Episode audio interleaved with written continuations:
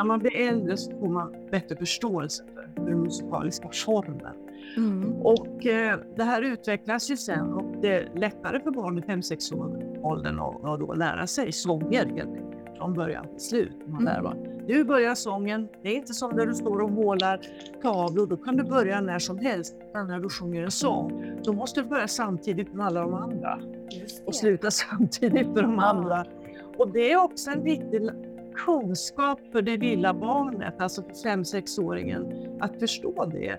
Det är det som ger sången med barn så stor betydelse.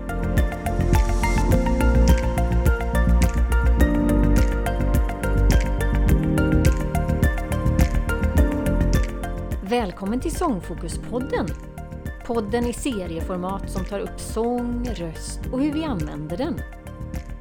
Här får ni träffa mig, Helene, som är sångpedagog och musiklärare och mina expertgäster. Det här är en podd som undersöker och vrider och vänder på olika sångområden som jag tycker är intressanta. Allt för att inspirera till att använda sången tillsammans med livet. Sången i livet och livet i sången. I det andra avsnittet av Barnsångsserien får ni möta en alldeles fantastisk gäst. Om någon har koll på svenska och utländska studier, på aktuella och tidigare aktuella projekt och samtidigt är så ödmjuk inför både svårigheter och styrkor inom barnsången så är det Gunnel Fagius. Gunnel berättar om sin studie som handlar om hur vi sjöng med barn förr i tiden och hur vi gör nu. Och jag inser att jag själv som var en rätt sen blommare jag hade nog blivit uträknad från sångaktiviteterna i skolan om jag hade varit barn på 40, 50 eller 60-talet. Sången som har varit en så stor del av min vardag i så många år. Hur hade mitt liv sett ut då? Ja, det vågar jag nästan inte tänka på. Vi pratar om lärarutbildningen och hur den har förändrats genom tiderna och inte minst pratar vi om hur vi kan få fler att känna lust till att sjunga med barn. Det är en ära att få prata med en av Sveriges största och mest offentliga eldsjälar inom barnsångsområdet. Jag vet ingen som har drivit så många nationella projekt och skrivit böcker och bidragit till så mycket kunskap om barnsång i Sverige som Gunnel Fagius. Idag är hon engagerad i många av flera pågående projekt som inspiratör och bollplank och rådgivare eller så är hon aktiv i projektet. Hon har varit musiklärare i Uppsalas musikklasser och kyrkomusiker i Uppsalas missionskyrka. Och I de här jobben har hon varit körledare för både barn och ungdoms och vuxenkörer. Men hon har också sjungit själv i Uppsalas akademiska kammarkör i många år. 2001 så blev hon forskningssamordnare vid Uppsalas universitets körcentrum. Och Gunnel hon har också varit delaktig i två stora projekt som har haft som syfte att lära oss mer om hur vi sjunger med barn, men också påverka den tidens strömningar och tendenser när det kommer till barnsång. Och den första av de här grupperna eller projekten startade på 80-talet tillsammans med en rad namnkunniga kör och sångprofiler. Och den resulterade i en bok som heter Barn i kör, idéer och metoder för barnkörledare och som släpptes 1990. Och i början av 2000-talet så fanns det här behovet ännu en gång för vad jag kallar en aktionsgrupp och den här gången kallades projektet Rädda barnsången. Och senare bytte den namn till Barn och sånggruppen. Och det här projektet resulterade i boken Barn och sång om rösten, sångerna och vägen dit som släpptes 2007. Och i båda de här böckerna är Gunnel redaktör och medförfattare. Hon har också fått många priser längs vägen och inte minst blev hon Årets barn och ungdomskörledare 1997. Och innan ni får höra allt det här intressanta som Gunnel har att berätta om barnsång så tänkte jag göra ett litet förtydligande för det är ju nämligen så här att i det här samtalet så är vi helt och fullt engagerade och vi pratar vitt och brett om olika saker. Och när vi har pratat om de här olika projekten som Gunnel har varit med i så ställer jag en fråga ifall det fanns ett behov av en aktivistgrupp på 80-talet. Och då har vi precis pratat om projektet på 2000-talet och därav svaras den här frågan utifrån det projektet. Vilket kan vara jättebra för er att veta när ni hör den här sekvensen. Ungefär 10 minuter in i samtalet kan ni ha det i åtanke. Men nu hälsar jag Gunnel Fagius varmt välkommen. Och då är min fråga så här, är det så att eh, den här bakgrunden stämmer eller är det någonting du vill lägga till? Berätta! Ja, det, nej, det stämmer, men, men eh, det är också viktigt att förstå att det inte har varit självklart för mig att det här skulle bli mitt område. Därför att jag började med att läsa musikvetenskap och fördjupade mig i den moderna musiken, hur uppbrottet från romantiken och skrev om hur, hur det gick till när man slutade att skriva vackra harmonier och istället skrev polyfon musik där man åstadkom dissonanser i musiken. Och, eh, jag jobbade även som amanuens på Svenskt musikhistoriskt arkiv och eh, tyckte att det här var väldigt roligt. Men jag kom faktiskt, jag läste ju språk också, det var min, mina önskemål det här musikvetenskap i första hand. Ja. Även om många trodde att jag skulle ägna mig åt bli musiker, men det vill jag inte. Nej, det här var det. Ehm, så det kan jag ju se bakom mig nu att, att det har varit viktigt eh, för mitt eh, tänkande, min eh, vilja till analys av förutsättningar, Eh, både av musik och historiska eh, liksom, processer. Och jag har skrivit mycket i det, ljuset av det också. Um, och det fortsätter, finns kvar i mitt huvud väldigt mycket. Så allting handlar inte om barn och sång, utan jag föreläser en del om musikhistoria och uh, musik eller tonsättare också och fascineras av kopplingen mellan uh, konst och musik i Europa, inte minst den här perioden 2030 Um, ehm, så det är, ett, det är ett tillägg till detta. Så att, att det blev med barn hade väl att göra med att jag hamnade i en, eh, en grupp eh, körledare som skulle ta fram ett instruktionsmaterial för barnkör. Och det var på 80-talet och då hade jag alltså börjat jobba i musikklasser. Jag hade lett barnkörer i skolan och startat låg och mellanstadiekörer och gjorde rolig musik och lite dramatiserande musik och föräldrar sydde upp kläder för att barnen skulle bli ännu mer engagerade i det vi sjöng. Oh, um, och sen det där arbetet att sitta i en grupp och prata om barns sång på 80-talet var stort värde, för då var det var Karl-Bertil Agnestig med, eh, Bror Samuelsson var med och ytterligare några andra som jobbade med den unga rösten den här tiden. Och eh, då fick jag, efter de här många samtalen med olika körledare så, som kunde mycket om barn och sång, då fick jag uppdraget att bli redaktör för en bok tillsammans med min kollega Eva-Katarina Larsson. Och då blev det ju naturligt att fördjupa sig, att strukturera, att ställa frågor, att analysera. Hur ska vi, mm. hur ska vi framställa det här? Hur ska vi återberätta det? Och det var ju en, en ny uppgift. Och det här var ju innan datorerna var så säkra. Sen satt man på gamla datorsystem och skrev och plötsligt var allt, allt borta vid midnatt. Så... Ja. ja, sådär. Men eh, ja, jag tror att det spelade, spelade roll. Det är klart jag hade ett stort intresse för unga, unga röster. Mm. Men det förstärktes av den här, eh, den här uppgiften. Och eh, ja. hela tiden har nog ändå musikvetenskapen funnits med på något sätt. Men det är inte förrän på senare tid när jag inte har varit aktiv körledare som jag har sett betydelsen av att jag hade det med bagage. Ja. Kan man säga. Och det här är ju så spännande, jag tänker den här forsknings eller liksom vetenskapliga eh, aspekten i det hela, för det är ju en stor del i, i din, ditt arbetsliv, tänker jag, som, mm. eh, som eh, forskningssamordnare vid mm. Uppsala universitets körcentrum. Mm. Hade, det, är det, det, det kom ganska naturligt då, förstår jag? Ja, alltså den, det jobbet blev jag ju erbjuden därför att jag på något sätt var rätt person för, för detta. Och då var ju det bara en liten tjänst. Jag jobbade ju som musikkonsulent på Svenska kyrkan då för, jag ska säga nationellt, samtidigt, parallellt. Men det här satte igång min, hela tiden, alltså att jag kom dit gjorde att jag bestämde mig för eh, att eh, om man är på ett körcentrum, då ska man ju starta med den unga rösten. Mm. Och eh, Stefan Perkman som var föreståndare då, det var ju alldeles nyskapat det här. Och jag blev erbjuden att komma in då som komplement och ha direktkontakt med musikvetenskapliga institutionen. Det gjorde att jag sa till Stefan att jag, jag skulle vilja börja med, med barnsången. Och så mm. bildas den här gruppen och jag fick en ung i kör och, och rikskonserter hakade på.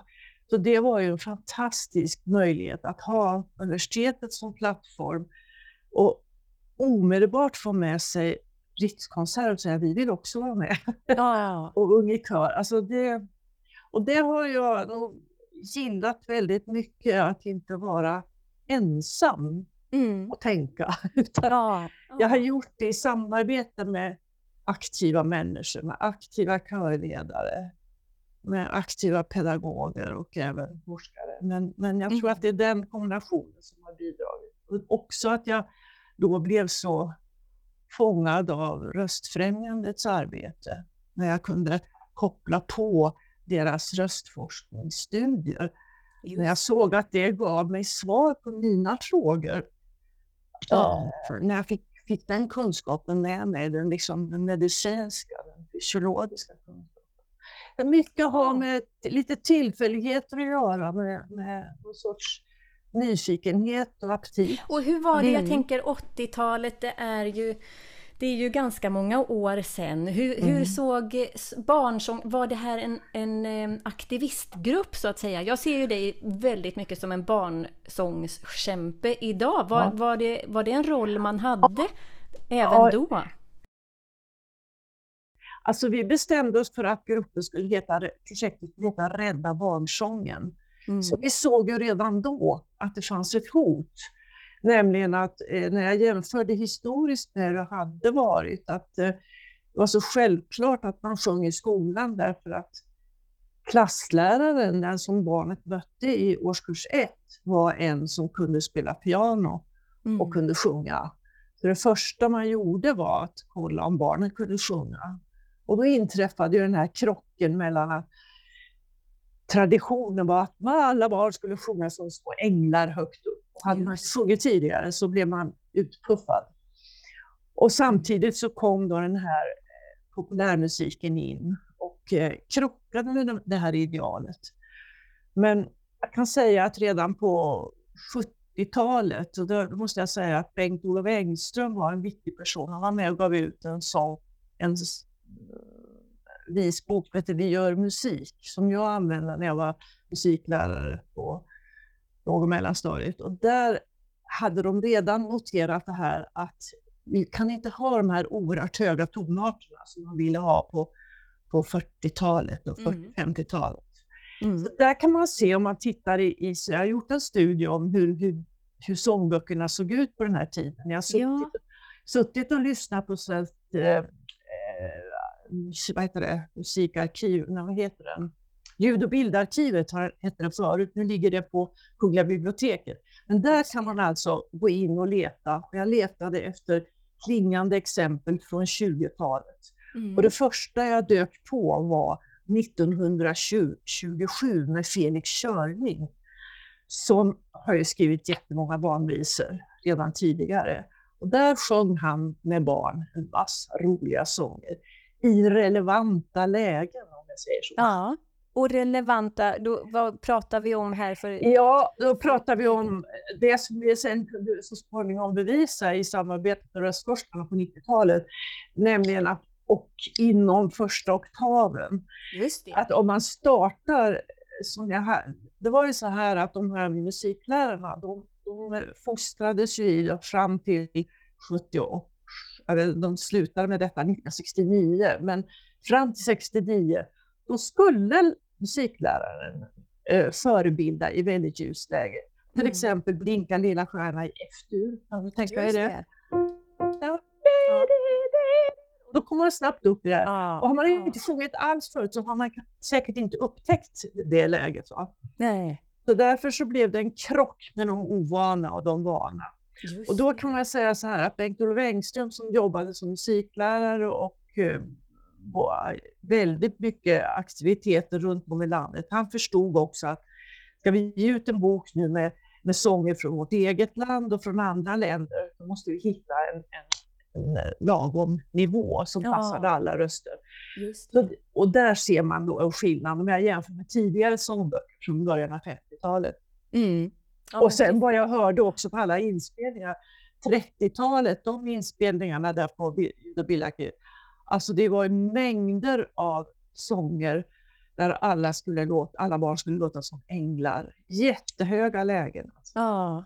Ja, det är ju, det är ju fascinerande. Men, men och det, det liksom klarade de av, tänkte jag? Att det... Ja, de, de som fick vara med och sjunga, ja. ja de som fick ja. vara med och sjunga, så kan ja. man väl säga. Ja. Att det blev en, en norm som eh, stämde för många, men inte för alla. Nej. Och sen förstås att eh, musiklärarna var utbildade. Och ämnet i skolan hette sång, det hette mm. inte musik på den här tiden. Det var sångpedagoger som, var, som skulle sjunga med dem. Och när det mm. inte fanns tillräckligt med sångpedagoger, ja, då kom man, Musikaliska akademin på att man skulle utbilda, ge kantorer möjlighet att undervisa i skolan. Och där fick man en förstärkning. Så mm. då kopplades kyrka och skola ihop så att man kunde, kantorn sjöng med barnen i skolan och sen kunde de barnen sjunga i kyrkan. Och så blev det det här med sjungandet mm, på 40-talet och allt mera vanligt. Mm. Eh, mm. Vad spännande ändå att få höra om, om, ja men för jag tänker att idag är det ju lite annorlunda. Men du pratade om eh, den första oktaven, jag tänker jag ska ge ett litet ljudexempel här, då anar jag att det är C till C som vi pratar om. Så jag tänker bara att det, det, kan vara bra för de som lyssnar att få höra var, var någonstans ett relevant eh, ja, tonregister skulle vara. Ja, precis, så här har vi alltså den lägsta tonen i det registret och här hade vi den högsta. Mm.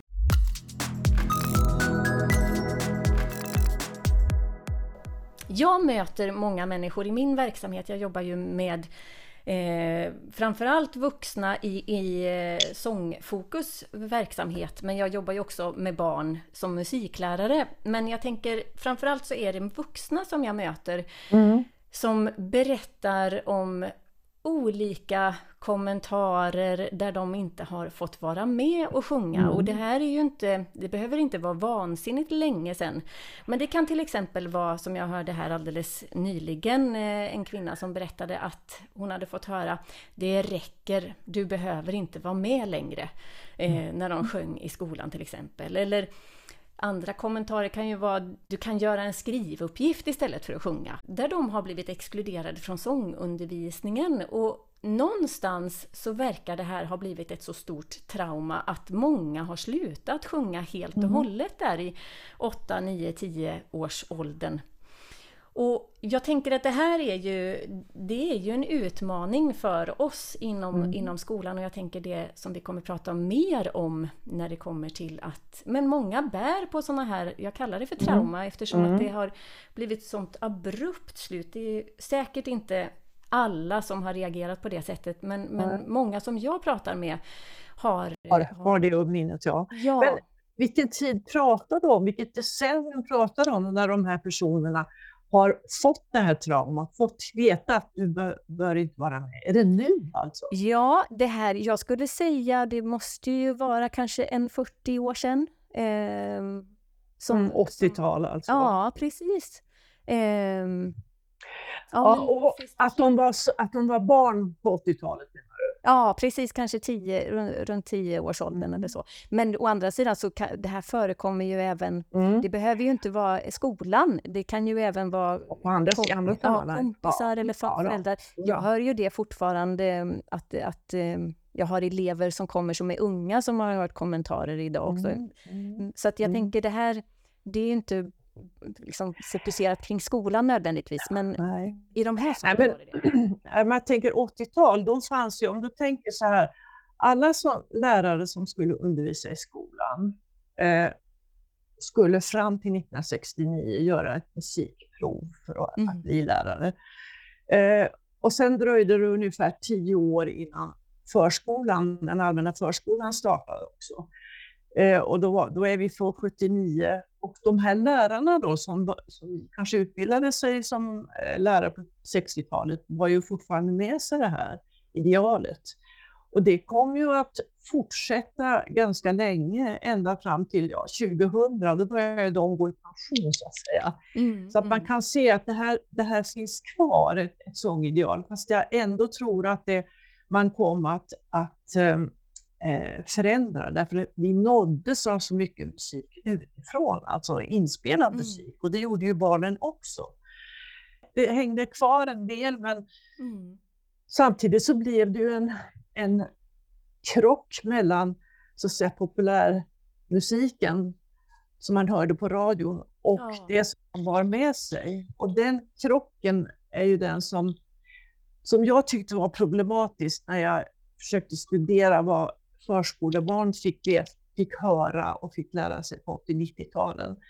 För då eh, fanns det grupper som gick in på förskolan och sjöng låtar som låg väldigt obekvämt läge mm, för mm. barnen. Ja. Eh, så där uppstod den här diskrepansen. Ja. Vad är rätt och vad är fel? Ja. Ja. Och vi skriver ju faktiskt i Barn i körboken att eh, eh, barn, barnkörledaren och läraren måste ha betydligt mera djupkunskap med att sjunga med barn under den här tiden nu när all den här musiken strömmar in. Just. För man ska kunna sjunga populärlåtar, man ska kunna veta vad är barnets eh, omfång, var, ja. var funkar rösten?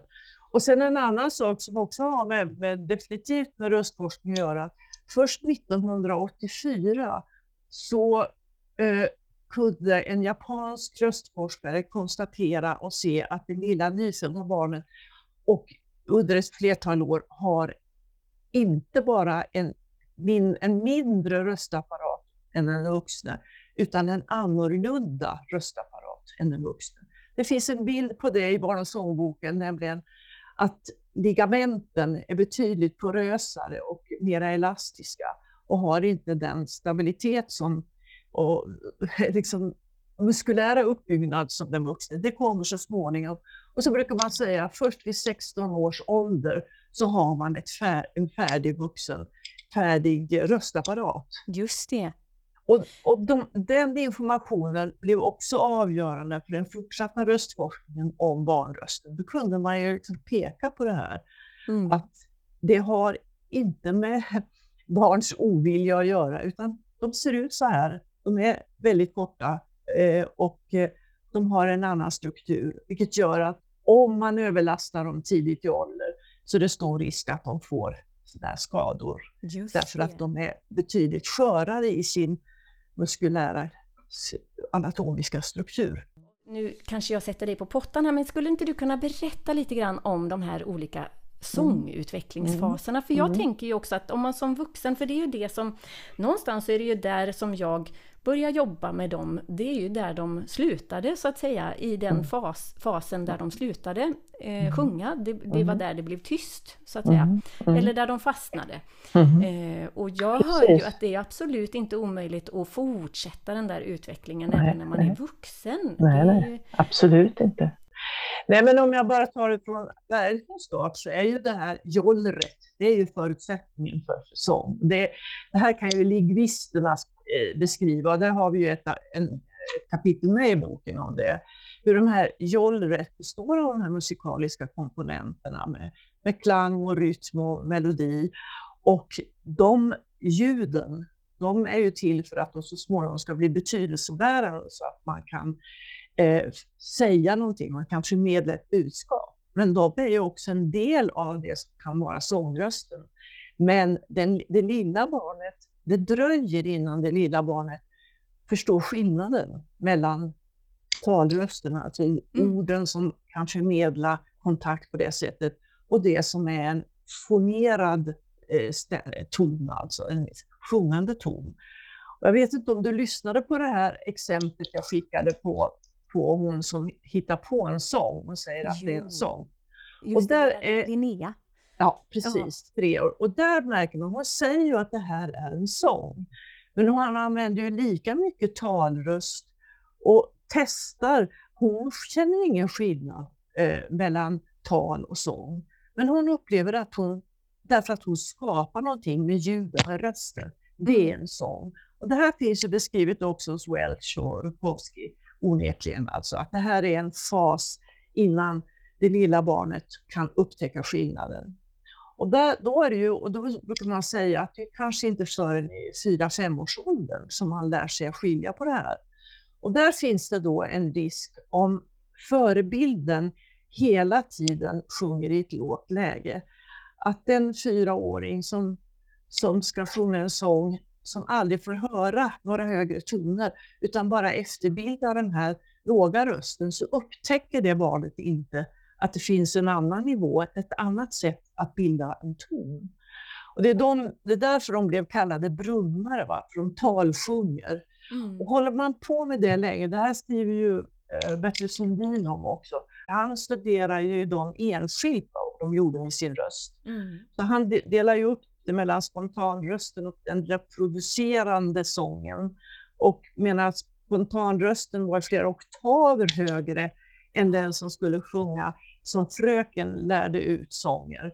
Och det är också en, en jätteviktig kunskap att förstå att om de får fantisera fritt medan de leker med någonting, det var ju det han spelade in, mm. då visar det sig att då har de hur mycket toner som helst på sitt. Ja. Håller man på med talsång för länge så, så, så blir det en, en så stark vana så det är svårt att upptäcka den här mm. andra delen. Det finns mm. ett roligt exempel från en, en eh, kyrkomusikkörledare i, i Östersund som jag mötte för många år sedan. Och hon berättade att hon hade en kör där en, en tjej hade jättesvårt att sjunga ovanför ett slutna A. Mm. Hela tiden fastnade där. Men hon lät den här flickan vara med och vara med. Och så testade hon efter kanske ett par år så lät hon sjunga för att hon skulle upptäcka att det fanns toner uppe i hennes huvud. Hon upplevde att hon mm. var musikalisk, hon ville sjunga. Så då lät hon henne sjunga i andra oktaven, Blinka lilla stjärna. Och då mm. tänker jag att hon startar på tvåstrukna C, eller, och upp till tvåstrukna A. Ja. ja, precis. Och så upptäcker hon att hon hittar den rösten. Hon hittar den rösten och sjunger spikrent i det ah. läget. Så hennes uppgift som körledare blev att hitta, hur hittar jag övergången nu oh. till det här eh, ettstrukna oktaven så att hon kan vara med och sjunga. Och det gjorde hon alltså.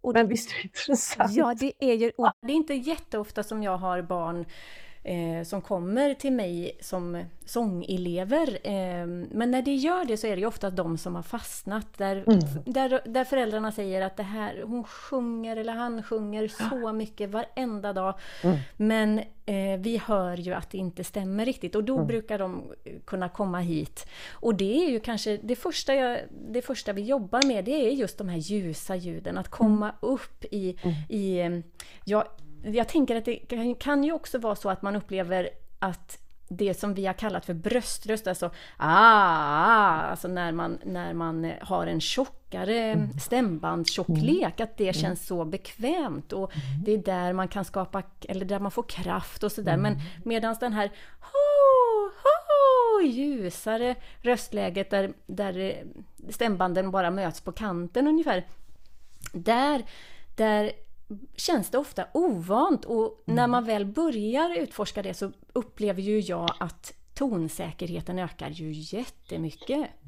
Men där har jag ju också haft elever där, där eh, Ja men just för att det känns ovant men det låter ju också lite annorlunda så att omgivningen kan ju också kom kommentera det där att ja men gör dig inte till eller mm. att det att um, så, att, så att jag tänker att det är viktigt det där att ändå våga ja, sig upp. Absolut! Och det här finns det ju också eh, studier om. Vi gjorde i den här studien med femåringar då, 1997, där två logopedstudenter gjorde studien om Maria Södersten och jag var handledare. Och då fick de alltså sjunga, eh, vi lyssnade först på eh, hela samlingen på förskolan, vad de sjöng och så noterade vi vilka starttoner ledarna hade. Och sen så lät vi femåringarna komma in en och en till, till de här eh, undersökarna, de här tjejerna. Och eh, då fick de starta de sånger som sjöngs. Eh, dels på de toner som, som, som eh, för, förskollärarna använde och dels välja en ton själv. Mm. Och då de sångerna så valde alla en ton ovanför reststyrkan C. Och det, det andra kunde de ju kanske leta sig fram till, men det blir ofta en talton.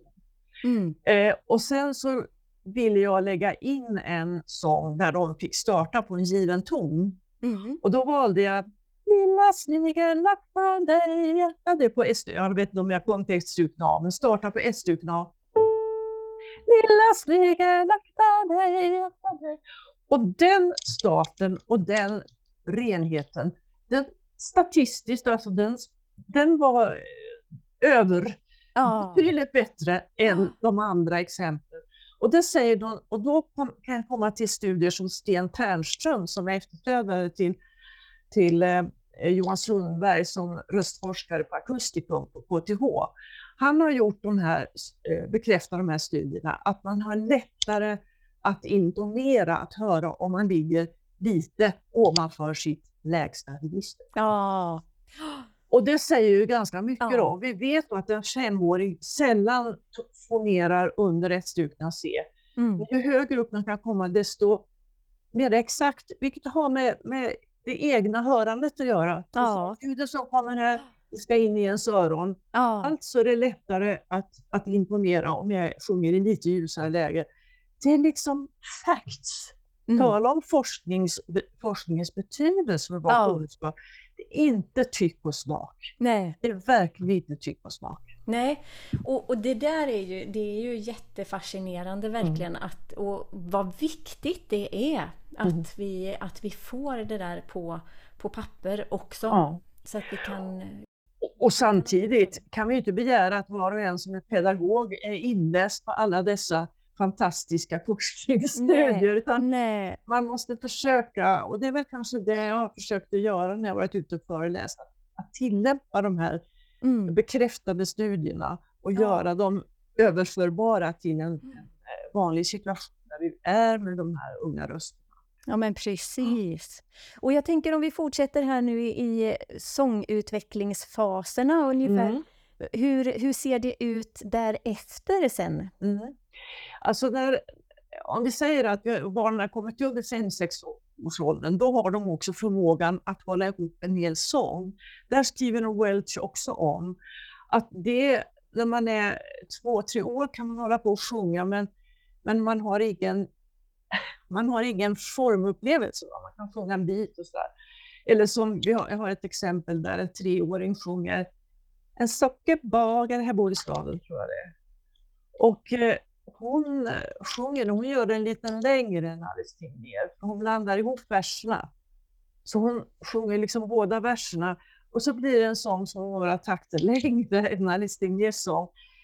Och det här kan man säga också ett exempel på det. När man blir äldre så får man bättre förståelse för, för den musikaliska formen. Mm. Och eh, det här utvecklas ju sen och det är lättare för barn i 5-6 år åldern att då lära sig sånger helt enkelt från början till slut. Man mm. nu börjar sången. Det är inte som när du står och målar tavlor, då kan du börja när som helst. Men när du sjunger en sång, då måste du börja samtidigt med alla de andra. Och sluta samtidigt med de ja. andra. Och det är också en viktig kunskap för det lilla barnet, alltså för 5-6-åringen, att förstå det. Det är det som ger sången med barn så stor betydelse, att det är någonting vi gör tillsammans. Vi mm. lär oss den här samtidigheten. Det är både socialt och musikaliskt en stor förmåga. Måla kan man göra precis i vilken ordning och hur snabbt eller hur långsamt som helst. Oh. Det här måste man göra samtidigt. Men sen om vi fortsätter uppåt så kan jag ju bara säga att, att eh, om man ser på ett sånt här eh, spek röstspektrum så vidgas ju eh, rösten. Man är eh, 7-8 år så kan man ta flera lägre, lägre toner givetvis. Mm. Därför att stämbandet växer och kan åstadkomma lägre toner på ett naturligt fungerat sätt. Mm. Och samtidigt så behöver man få utveckla den, den ljusare rösten också. Och det är inte självklart för alla, utan där måste man kanske vara lite mer målinriktad när man ska kombinera den, den lägre rösten med den övre. Mm. Och det är ju det som är pedagogens eller lärarens uppgift onekligen. Ja. Så det märkte jag när jag jobbade med vanliga barn både lågstadiekör och eh, mellanstadiekör. och då lågstadiebarnen bara älskade, de bara sjöng och sjöng och sjöng och sjöng. Ja. Och det gick att stimulera hur mycket som helst. Mm. Och så när samma barn kom upp på mellanstadiet, då började de och liksom titta på sig själva lite och lyssna ja. på sig själva och börja bli mer självkritiska. Mm. Då kan det här uppstå att de inte vågar sjunga de där ljusa tonerna. Precis. Har de fått dem med sig tidigare så är det lättare att komma vidare. Mm. Ja, än man bara... Ja, eller hur? Jag jobbar ju på mellanstadiet och det, där, det är så underbart att se. I vissa grupper är ju acceptansen väldigt stor. Mm. Och där kan man säga, nu måste vi sjunga i vårt ljusa. Nu pratar jag ju väldigt liksom eh, som jag gör med barnen, att nu ska mm. vi sjunga med vår ljusa, ljusa röst. röst. Ja, precis. Och, och, det är jätteroligt och de, de skrattar och de eh, leker lite opera. Och, gör, och, och ja. det, men efter ett tag sen så kommer det ändå liksom in i någon form av normalitet. Och, och det var det jag tänker liksom jag tycker många eh, sjunger väldigt mycket renare när, när de eh, vågar sig på mm. sitt ljusa mm. Det behöver mm. inte nödvändigtvis vara att de är helt avskärmade gehörsmässigt.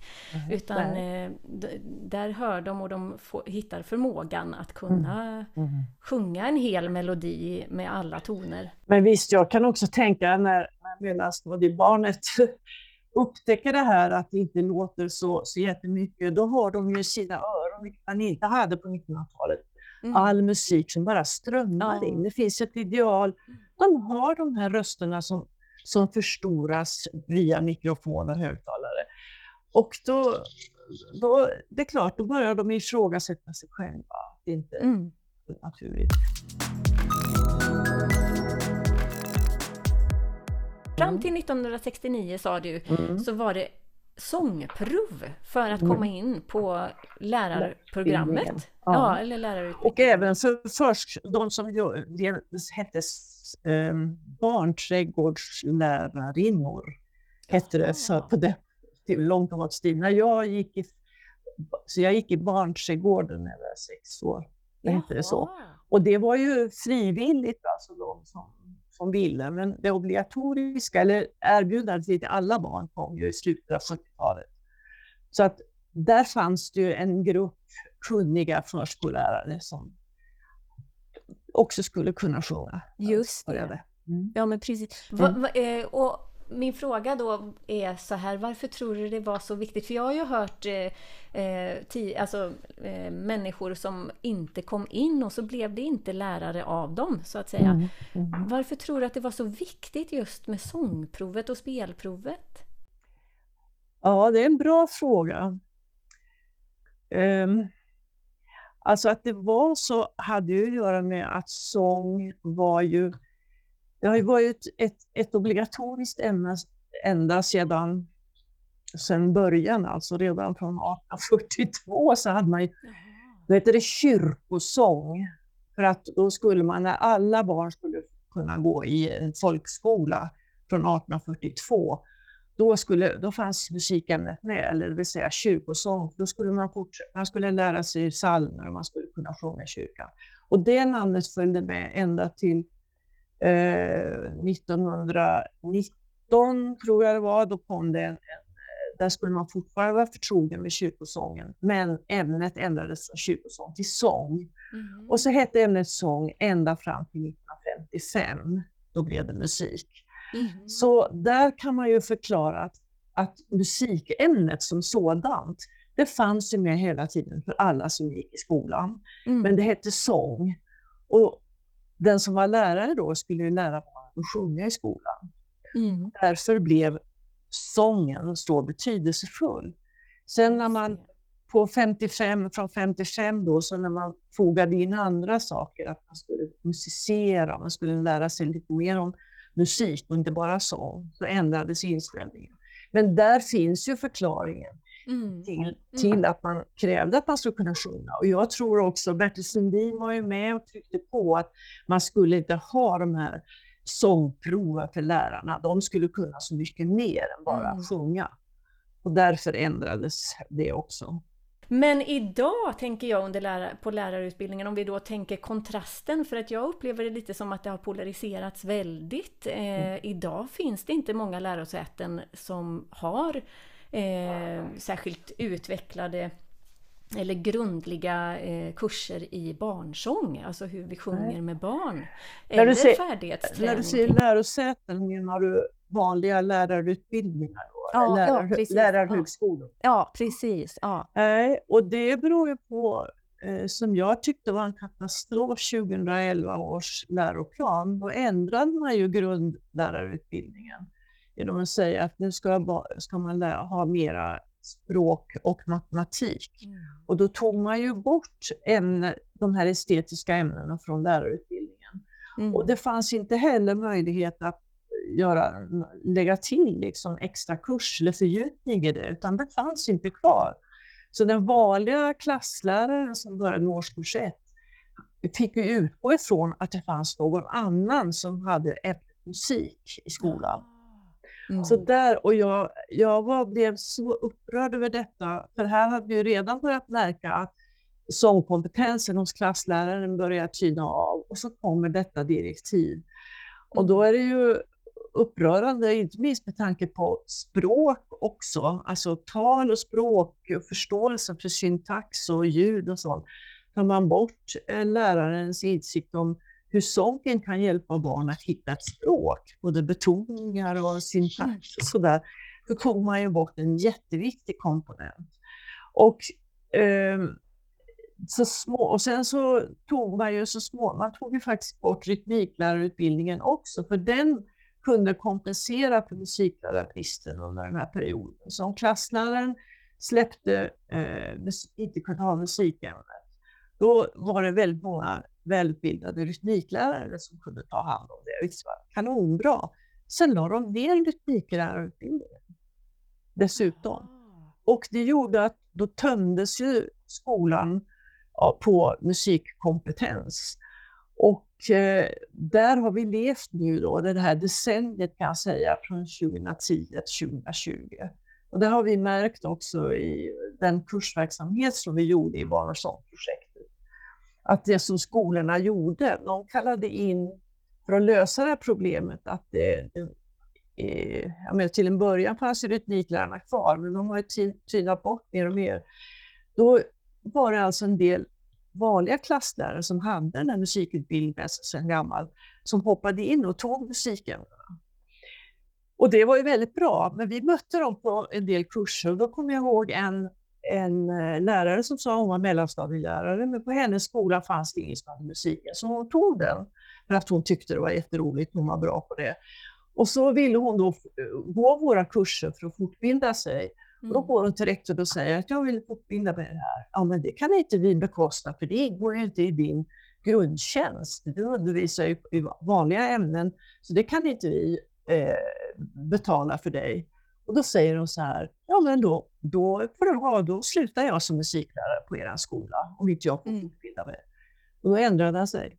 Ja. Tack och lov. Men sådana här berättelser fick vi alltså från mm. flera som tog ansvar för musiken på skolan när de var, fast de egentligen hade något annat Så. Och, men så kan man ju inte hålla på. Där har vi fastnat nu alltså, ja. i ett sådant läge. Och det är därför resultatet är som det är. Och då kan jag säga så här, tack och lov för, för Musikaliska akademin och Sjungande barn, mm. som har satt fingret på detta, ja. att nu, nu händer något annat. Jag fick ju också anledning, jag har varit mycket i de nordiska länderna och föreläst och så, och där fick jag ganska samtidigt som det här var, kanske var 2014 eller någonting, när det här var nytt i Sverige, att en lärarutbildning inte innehöll musik, fastän ämnet musik är obligatoriskt på vår skola, mm. i vårt skolsystem. Eh, då kom det en, vi hade veckas undervisning med workshoppar och föreläsningar. Då kom det en norska, norsk tjej som var, hade gått sin lärarutbildning men absolut ville också ha musiken och då hade hon möjlighet att, att skaffa sig den kompetensen sidan av, alltså lägga till det till sin utbildning och bli då ännu mer meriterad. Och då mm. var det, det var så självklart. Och det har, det har ju inte funnits här. Jag vet inte om det, om det finns fortfarande någonting sånt. Förstår du vad jag, ja, vad jag menar? Ja. Vad som var katastrofen, vad som gör att vi befinner oss där vi är. Och ja. vi skapade, skaffade oss då den insikten att vi riktade oss verkligen till de, de här kurserna, barnvisionärkurserna, också ja. till de som inte hade utbildning, ja. som skulle vilja jobba med det. Ja. Sen så blev det ju så positivt, så sen kom ju både ut, musikutbildade kyrkomusiker och musikutbildade lärare och pedagoger och så här, till kurserna. Och då sa de, varför kommer ni hit? Vi riktar oss ju framförallt till de som inte har musikutbildning. Ja, men vi behöver det här också.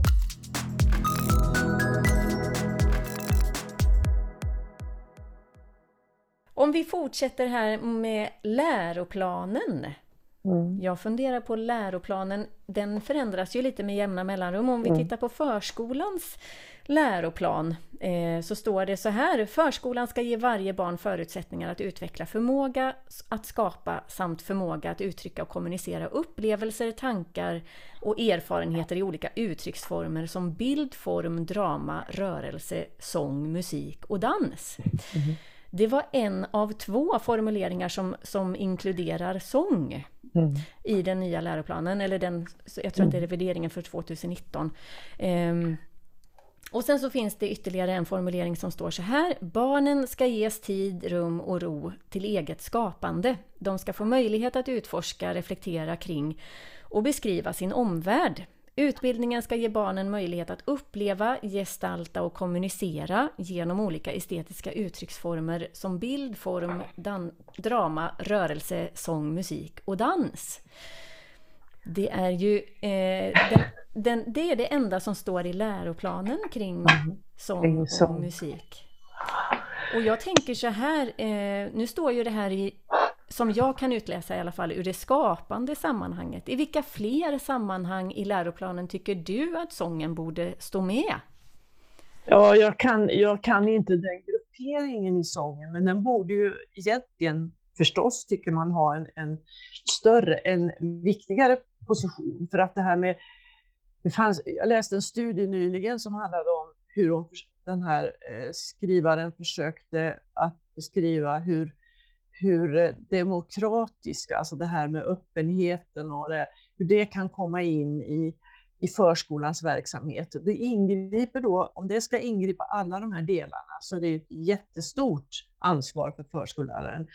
Och att då plocka ut sången i det här så kommer hon ju fram till att, att i en intervju med förskolläraren att det är väldigt svårt att få tid och ork att låta sången vara en viktig komponent för det här fria skapandet och för, för den demokratiska synen att all, allt ska vara tillåtet. Mm. Eh, men bortsett från det så kan jag, kan jag tycka att eh,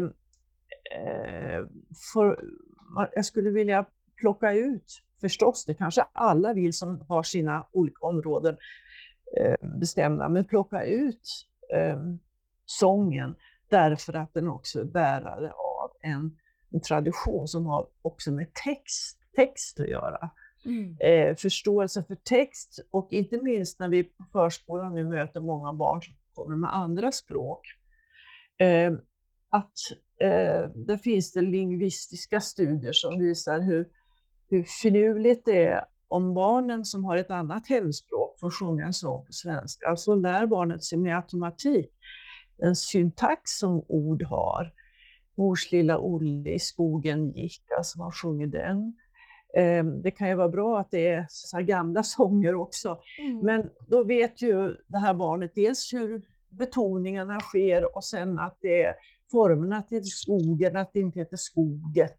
Jag menar, Mm. Om man ser på detaljnivå för, för förståelse för, för det här nya språket. Och att det är roligare och lättare att lära sig det genom sång. Mm. Då skulle man, tycker jag, koppla ihop språk och sång och säga att det är av särskilt stor betydelse i förskolan. Mm. Och eh, bortsett från att det här med fantiserandet, det är helt klart, det har jag sett många exempel på, när barnen börjar leka med sina sånger och, och rörelse hänger ju ofta ihop och, och mm. språket. Men här skulle man då kunna visa på språk och sång hör ihop. Å andra sidan så vet jag att det också finns en, en del i skapande verksamhet inom förskolan där det pratas mycket om ett vidgat språkbegrepp där sången eh, hänvisas till och det skrivs många avhandlingar i ämnet där man ändå får in det men även, även om det inte står i läroplanen särskilt så, så mm. finns det ändå med. Ja, det skulle, och det skulle man verkligen vilja betona som du, som du söker nu. Hur, hur framhäver man den här betydelsen i läroplanen? Ja. Absolut. För det, jag, jag, jag, tänker alla de här sakerna som ska tillgodoses av pedagoger, mm. i hela världen ska vara möjligt. Men har man ett redskap som den tvingande rösten är, då har man ju väldigt mycket gratis. Ja. Jag tänker på hur jag själv fungerar. Jag har haft musiklekskola, jag, man hoppar och dansar och skuttar, man har ögonkontakt och man bjuder in sånger som är fulla av fantasi och möjlighet för barnen att vara fantasifulla. Ja visst, och jag tänker, jag, jag jobbar ju med eh, ja, årskurs 6 eh, läroplan eller kursplan i musik. Mm. Och där har jag ju det är ju, jag är lite ambivalent för samtidigt som det är så viktigt att sjunga med barnen mm. eh, så har jag ju upplevt att när den, när den plockas in i betygskriterien och man, man ska bedöma det, vilket kanske också är viktigt för att man eh, som musiklärare ska prioritera det. För det kan mm. kanske är så att man prioriterar andra saker mm. som skulle stå i, eller som står i betygskriterierna i sådana mm. fall. Eh, så det är viktigt att det står med men samtidigt så kan jag känna att eh, det är också finns en risk med att vi hamnar där vi var för 40-50 år mm. sedan eh, där man fick ställa sig en och en och sjunga framför. Mm. Alltså att man skapar mm. de här mm. bedömningssituationerna mm i, i en så stark utvecklingsfas, tänker jag, i de här mm. barnens mm. liv. Att, att mm. hur, hur hittar vi bedömningarna i sådana fall i grupp? Ja, jag vet att ett, ett uh, tema som Graham Welch alltid har, han sa att förr så utgick man från den maximala sångförmågan mm. eh, när man gjorde en bedömning. Men han säger så här, man börjar med minsta gemensamma nämnare, nämligen att kunna sjunga en ton och förflytta sig till nästa. Och sen kan de, så finns det det som har lättare för sig, de går fort fram. De kan mm. till och med lära sig noter. Men alltså att utnyttja det här lilla fröet som några har, mm. det är liksom pedagogens uppgift. Ja. Det där har jag med på i massa artiklar, så citerar jag Graham Welch i det avseendet. Och det är ett sätt som, som du antyder här, att inte, vi ska hamna i det att det är bara de som kan alltihopa som, är, som kan mm. sjunga. Mm.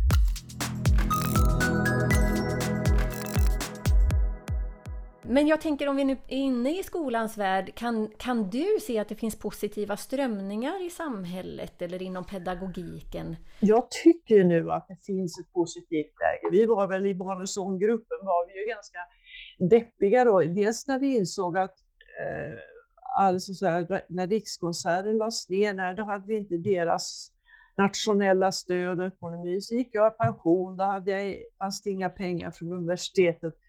Och vi fortsatte ändå att göra kurser och eh, kände, men vad, vad tar det här vägen? Vad är det för mening? Och då var det många som sa, ja men det måste fortsätta, det måste fortsätta. Och bara ett år senare kommer det här uppropet från, från Musikaliska akademin. Att jag kan känna att det är väldigt hoppfullt, om vi ska ja. prata om att det finns en nationell samling kring de här frågorna. Kan du inte mm. berätta, mm. nu har, har, vi varit inne på det här sjungande barn-projektet. Kan, jag tänker så här, om vi tittar på vad finns det för projekt och utveckla gärna, jag tänker det är många kanske som lyssnar på det här som inte har en aning om vad sjungande barn-projektet är. Sjungande barn Eh, är ju både att man satsar på forskning förstås, men också att man eh, engagerar eh, regionerna för att arbeta direkt mot eh, förskolorna och ge förskolebarnen musik, men också fortsättningsvis förstärka förskolornas eh, fortbildning. Jag menar, KMA är så konkret i det här, att man formar någonting som är direkt till hjälp för de som jobbar i skolan. Mm. Mm. Och då är syftet att man ska främja musikundervisningen i, i den eh, svenska skolan. Och sen finns det ju då verktyg och fortbildning och, och forskning. Och det tycker jag är så betydelsefullt att det finns någon nationell instans som kan formulera det här.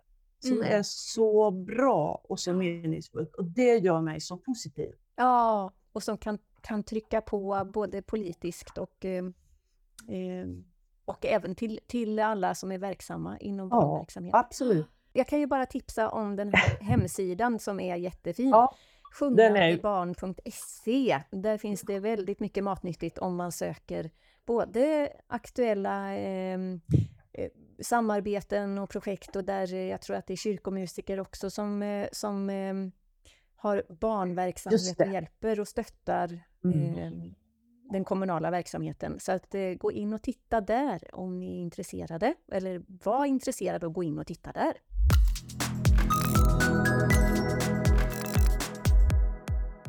Någonting som är intressant ändå, att jag fick en förfrågan, det kommer, ska komma en, en bok eh, om eh, språket och litteraturens betydelse för, för barn.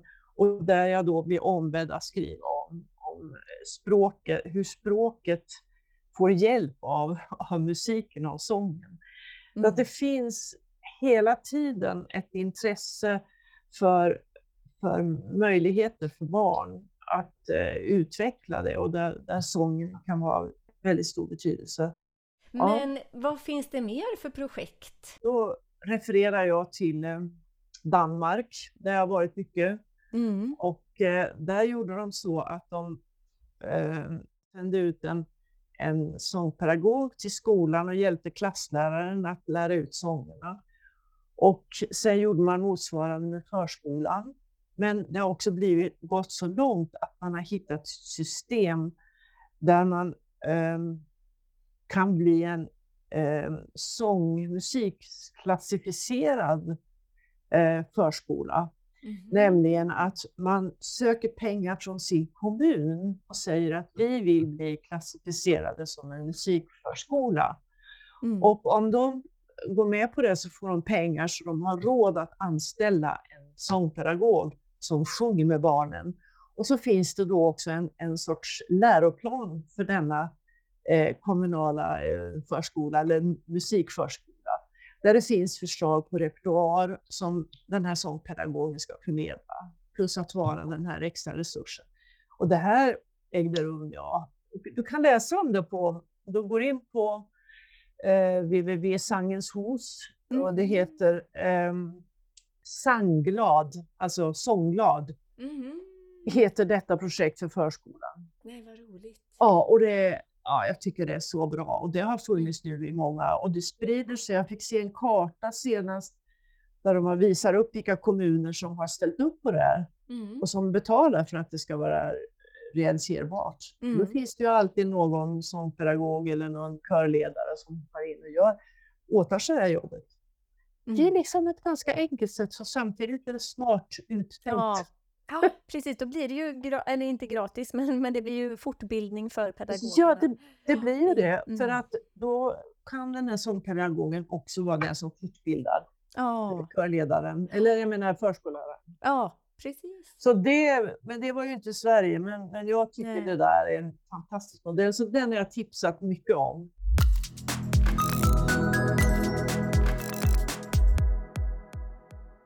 Alltså jag tycker det är så roligt att prata med dig. Så att det, det, ja, jag, alltså att jag får möjlighet att jag, ja. sitta så här där jag kan ställa mm. massor med frågor som jag har mm. gått och funderat på och, mm. och samtala ja. kring det här. Ja men det är bra. Det är bra. Tusen ja. tack för idag! Tack själv!